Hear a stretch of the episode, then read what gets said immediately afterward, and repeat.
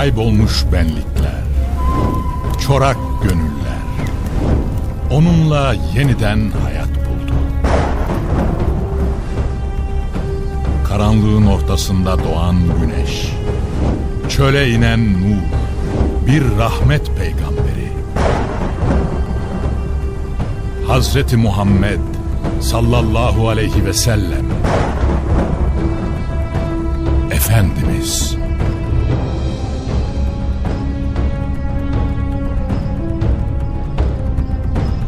Eser Reşit Haylamaz. Yöneten Yaşar Özdemir. Kurgu Soner Can. Müzikler Brian Keane ve Ömer Faruk Tekbilek. Gönül tahtımızın eşsiz sultanı. Efendimiz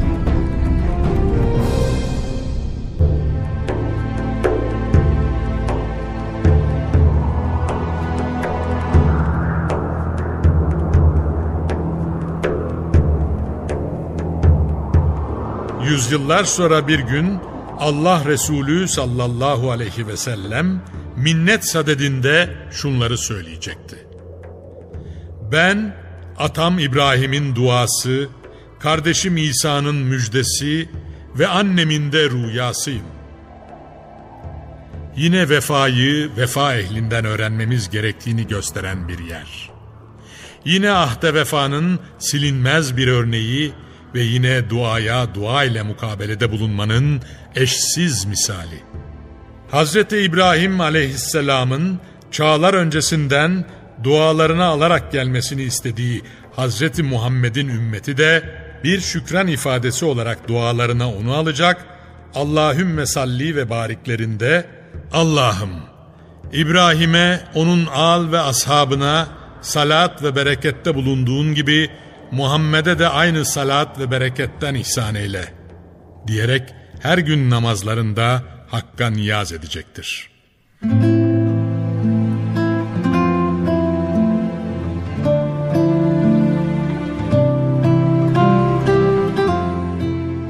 Bu vefanın bir de İbrahimcesi vardı. Zira Hazreti Muhammed'in geleceğinin haberi Hazreti İbrahim'in ruhuna o denli işlemişti ki kendi şahsına yapılan iltifatlarda bile onu hatırlayıp öne çıkarıyor ve bu iltifatlara layık olanın kendisinden ziyade beklenen sultan olduğunu ifade ediyordu. Allah Celle Celaluhu Hazreti İbrahim'i değişik imtihan süzgeçlerinden geçirmiş ve her birinde üzerine düşen vazifeyi hakkıyla yerine getiren Hazreti İbrahim'e şöyle bir iltifatta bulunmuştu. Seni insanlara imam kılacağım. Bu büyük bir iltifattı ve karşılığında acziyet içinde şükürle mukabele gerekiyordu. Aynı zamanda bu, böyle bir nimetin şükrü adına önemli bir göstergeydi. Ancak Hazreti İbrahim öyle yapmadı. Onun verdiği ilk tepki, benim zürriyetimden de şeklindeydi ki bu, üzerinde durulması gereken bir refleksti. Şuur altının ne türlü bilgilerle beslendiğinin bir göstergesiydi aynı zamanda. Zaten insanın gerçek niyeti de böylesi sürpriz durumlarda ortaya çıkardı. Ancak Allah Celle Celaluhu imamet gibi önemli bir meselenin zulme dalmış ve ona rıza gösteren bilhassa o günkü İsrailoğulları gibi inhiraf eden kimselere müyesser kılınmayacağını ifade sadedinde zalimler ahdime, nübüvvetime nail olamazlar buyuracaktı. Böyle bir ifadeyle nazarlar yakın zamanda bir imam aramak yerine gelecek asırlara ve daha uzun bir zamana yönlendirilmiş oluyordu. Böylelikle zulümle nübüvvetin asla bağdaştırılamayacağının vurgulanmasının yanı sıra İsrailoğullarının yapa geldikleri zulüm ve inhiraflardan hareketle böyle bir şerefi yitirdikleri ve bu şerefin bundan böyle Hazreti İsmail soyuna geçtiği ifade edilmiş olunuyordu.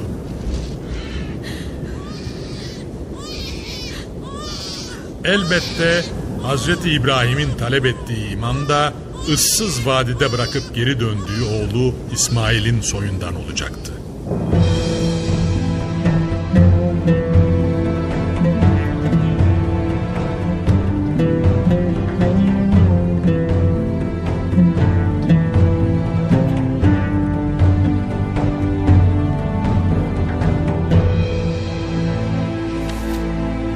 Peygamberin müşterek talebi.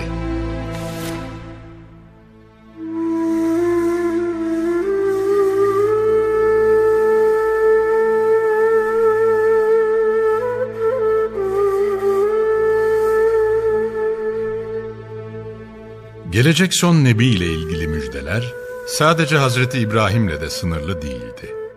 Hazreti Adem'den başlayarak bugüne kadar gelen bütün peygamberler ondan bahsettiği gibi Hazreti İbrahim'den sonra gelecek her bir nebi de kendi ümmetiyle aynı müjdeyi paylaşacaktı. Zira bu onlar için bir vazifeydi. Allah Celle Celaluhu onlara şöyle seslenmiş ve ardından her birinden bu hususta şöyle bir söz almıştı. Andolsun ki size kitap ve hikmet verdim. Sonra yanınızda bulunan kitapları doğrulayıcı o Resul geldiğinde muhakkak ona inanacak ve yardım edeceksiniz. Bunu kabul ettiniz ve bu hususta ağır ahdimi üzerinize aldınız mı? Hep beraber cevap verdiler. Evet, kabul ettik.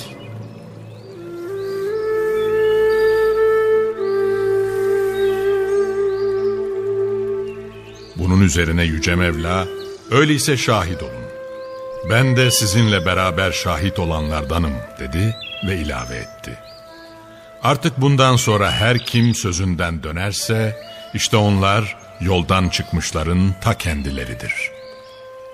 Hazreti Adem iftar vaktini beklemede bir miktar acele edecek ve akabinde tevbe için ellerini kaldırıp Rabbine yalvarırken bir aralık Hazreti Adem'in gözleri arşın direkleri üzerindeki yazıya takılacak ve duasını şöyle değiştirecekti. Allah'ım senden beni Muhammedun Resulullah hakkı için bağışlamanı diliyorum.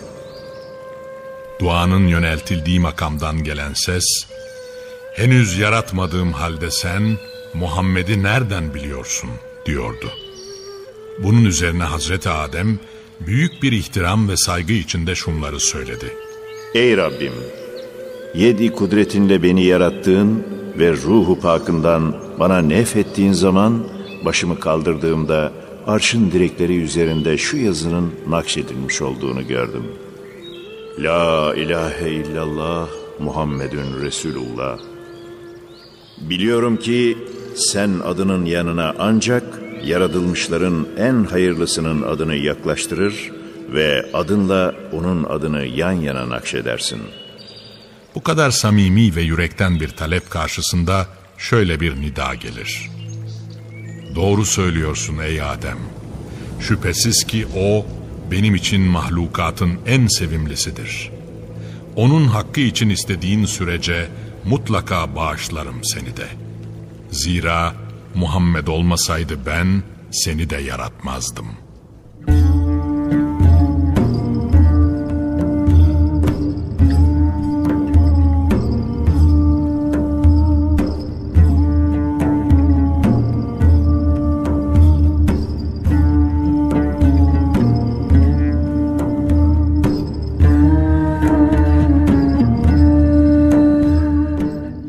Zaten o sallallahu aleyhi ve sellem ilk yaratılan ruhun sahibiydi.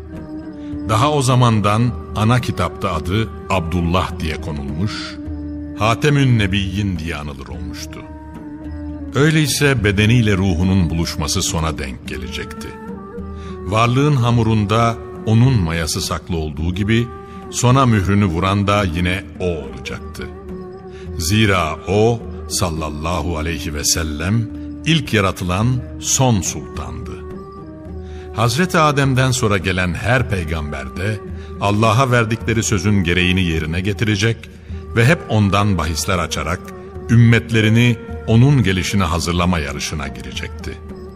Hazreti Nuh aleyhisselam vazifesini yaptığına dair ümmeti Muhammed'i şahit tutacağının sürurunu yaşarken, Hazreti Davud inleyen ses tonuyla Zebur okurken hep Allah'ım, fetret döneminin arkasından bize mukimüs sünneyi lütfet. diye duaya dalıyor ve Hazreti Ahmet'in gelmesi için Rabbine yalvarıyordu. Hazreti Yahya aynı güfteyi seslendiriyor, Hazreti Musa avazı çıktığı kadar bu güfteyi İsrailoğullarıyla paylaşıyor ve Hazreti İsa da bulduğu her fırsatta aynı güftenin bestesini dile getiriyordu.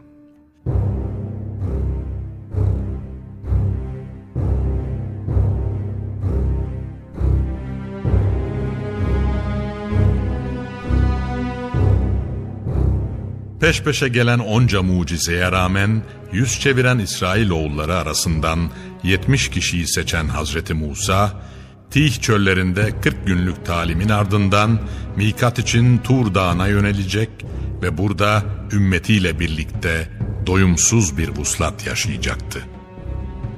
Tur Dağı'nda sis ve dumandan göz gözü görmüyordu. Derken Allah bir başka lütuf olarak keyfiyeti bizce meçhul olan sesini duyurdu onlara. Akılları gözlerine inmiş bu insanlar böyle bir lütuf karşısında bile tereddüt ishar edip sesle o sesin sahibini bilemeyeceklerini öne sürüp bizzat kendisini göstermesini talep ettiler. Halbuki görme duyusu sınırlı olanın sınırsız bir varlığı ihatasına imkan yoktu. Bu bilinen bir gerçekti. Belli ki onların maksadı esas itibariyle Rabbi görmek de değildi. Belki görselerdi yine bir bahane bulur ve yine yan çizerlerdi. Böyle kaypak bir hayat onlar için alışkanlık olmuştu zira. Rabbe karşı yapılan böyle bir saygısızlık gayretullah'a dokunacaktı ve öyle de oldu.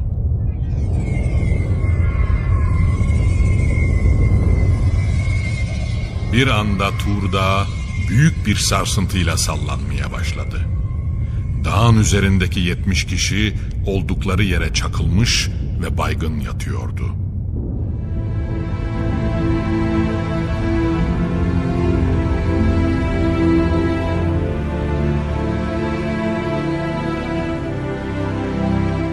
Gelişmeleri başından beri dikkatle takip eden Hazreti Musa'nın kolu ve kanadı kırılmıştı. Bunca nimete mukabil gösterilen böylesine bir nankörlük karşısında büyük bir mahcubiyet yaşıyordu.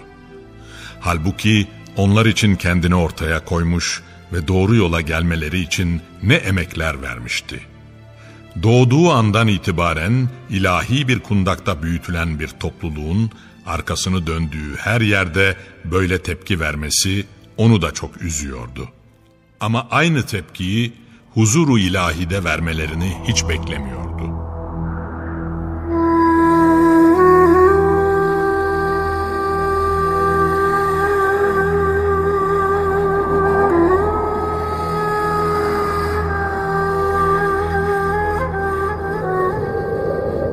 Yönelebileceği tek bir kapı vardı ve ellerini açarak önce Ey Rabbim dedi titreyen ses tonuyla. dileseydin beni de bunları da daha önce imha ederdin. diye devam etti ardından. Sonra da Şimdi bizi aramızdaki beyinsizlerin yaptıklarından dolayı helak mı edersin Allah'ım? Bu sırf senin bir imtihanından ibarettir. Dilediğini bu imtihanla şaşırtır. Dilediğine de yol gösterirsin. Sensin bizim Mevlamız. Affet bizi. Merhamet eyle. Sen merhamet edenlerin en hayırlısısın. Bize bu dünyada da ahirette de iyilik nasip et. Biz sana yöneldik. Senin yolunu tuttuk. Bunları gönlünden gelerek ifade ettikten sonra Hazreti Musa yine de rahmet kapısına yönelecek ve her şeye rağmen Rahmetin Allah'ım. diyecekti. Ancak ilahi takdir daha farklıydı. Rahman'dan gelen ses şöyle diyordu. Azabım var. Onu dilediğime isabet ettiririm. Rahmetim de var. O her şeyi kuşatmış ve kaplamıştır. Onu da özellikle müttakilere, zekatını verenlere ve ayetlerimize inananlara tahsis edeceğim.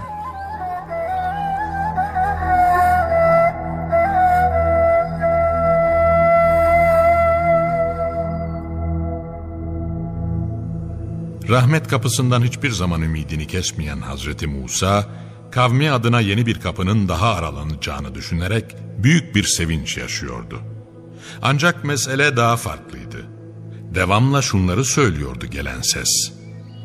Onlar ki o ümmi peygambere uyarlar, yanlarındaki Tevrat ve İncil'de yazılmış bulacakları o peygambere uyup onun izinden giderler ki o onlara iyiliği emreder ve onları kötülükten alıkoyar. Temiz ve hoş şeyleri kendilerine helal kılar. Murdar ve kötü şeyleri de üzerlerine haram kılar. Sırtlarından ağır yükleri indirir, üzerlerindeki bağları ve zincirleri de kırıp atar. İşte o vakit ona iman eden, ona büyük bir saygı gösteren, ona yardımcı olan ve onun peygamberliğiyle birlikte indirilen nuru izleyen kimseler, işte asıl murada eren kurtulmuşlar onlardır.